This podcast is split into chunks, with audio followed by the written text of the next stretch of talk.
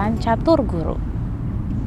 Catur guru berasal dari bahasa Sanskerta yang terdiri dari dua kata.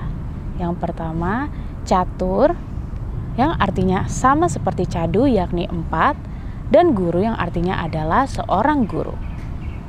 Jadi, catur guru berarti empat guru yang harus kita hormati di dalam kehidupan. Di dalam ajaran catur guru ini terdapat empat bagian yang pertama adalah guru swadhyaya, yang kedua adalah guru rupaka, yang ketiga adalah guru pengajian, dan yang keempat adalah guru wisesa. Guru swadhyaya adalah Tuhan atau Sang Yang Widiwasa. Di dalam bagian ini kita diajarkan untuk selalu berbakti dan hormat kepada Sang Yang Widiwasa karena Tuhan atau Sang Yang Widiwasa adalah guru tertinggi atau guru utama dalam kehidupan manusia yang tidak ada tandingannya.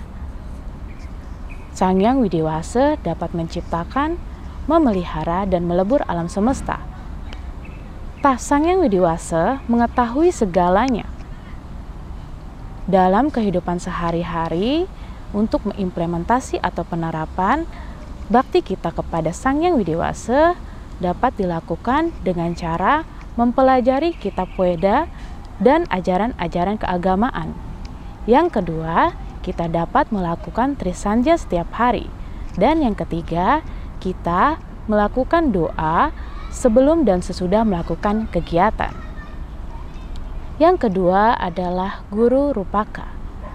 Guru rupaka adalah orang tua atau ayah dan ibu kita di rumah. Hayo, siapa yang masih melawan dan tidak patuh dengan perintah orang tua? Tidak boleh ya.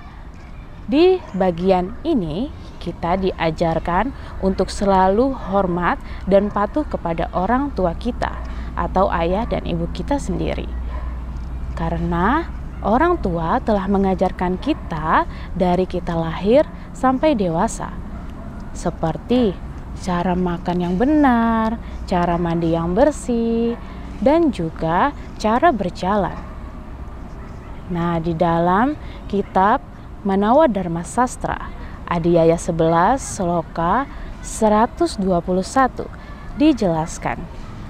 Ia yang biasa menghormati dan patuh terhadap orang tua, maka akan mendapat tambahan anugerah dalam empat hal, yaitu berupa umur yang panjang, pengetahuan, kemansyuran, dan juga kekuatan. Nah, sloka tersebut memberitahu kita pahala dan keuntungan apa saja yang bisa kita dapat ketika kita patuh terhadap orang tua, berbakti kepada orang tua. Tetapi dalam prakteknya harus dengan dilandasi keikhlasan ya. Jangan pernah kalian melakukan sesuatu karena terpaksa ataupun untuk mengharapkan suatu imbalan. Yang ketiga adalah guru pengajian.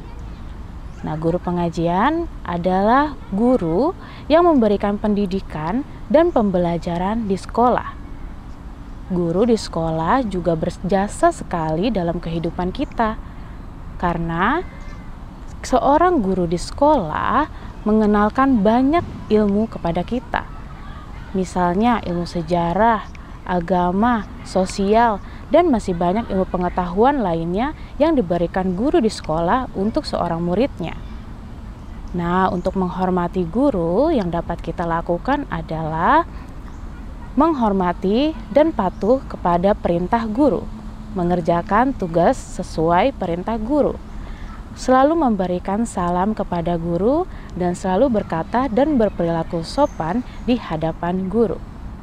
Di dalam kitab Saras Camuscaya dijelaskan, seorang murid tidak boleh mengumpat gurunya, meskipun beliau melakukan suatu kekeliruan.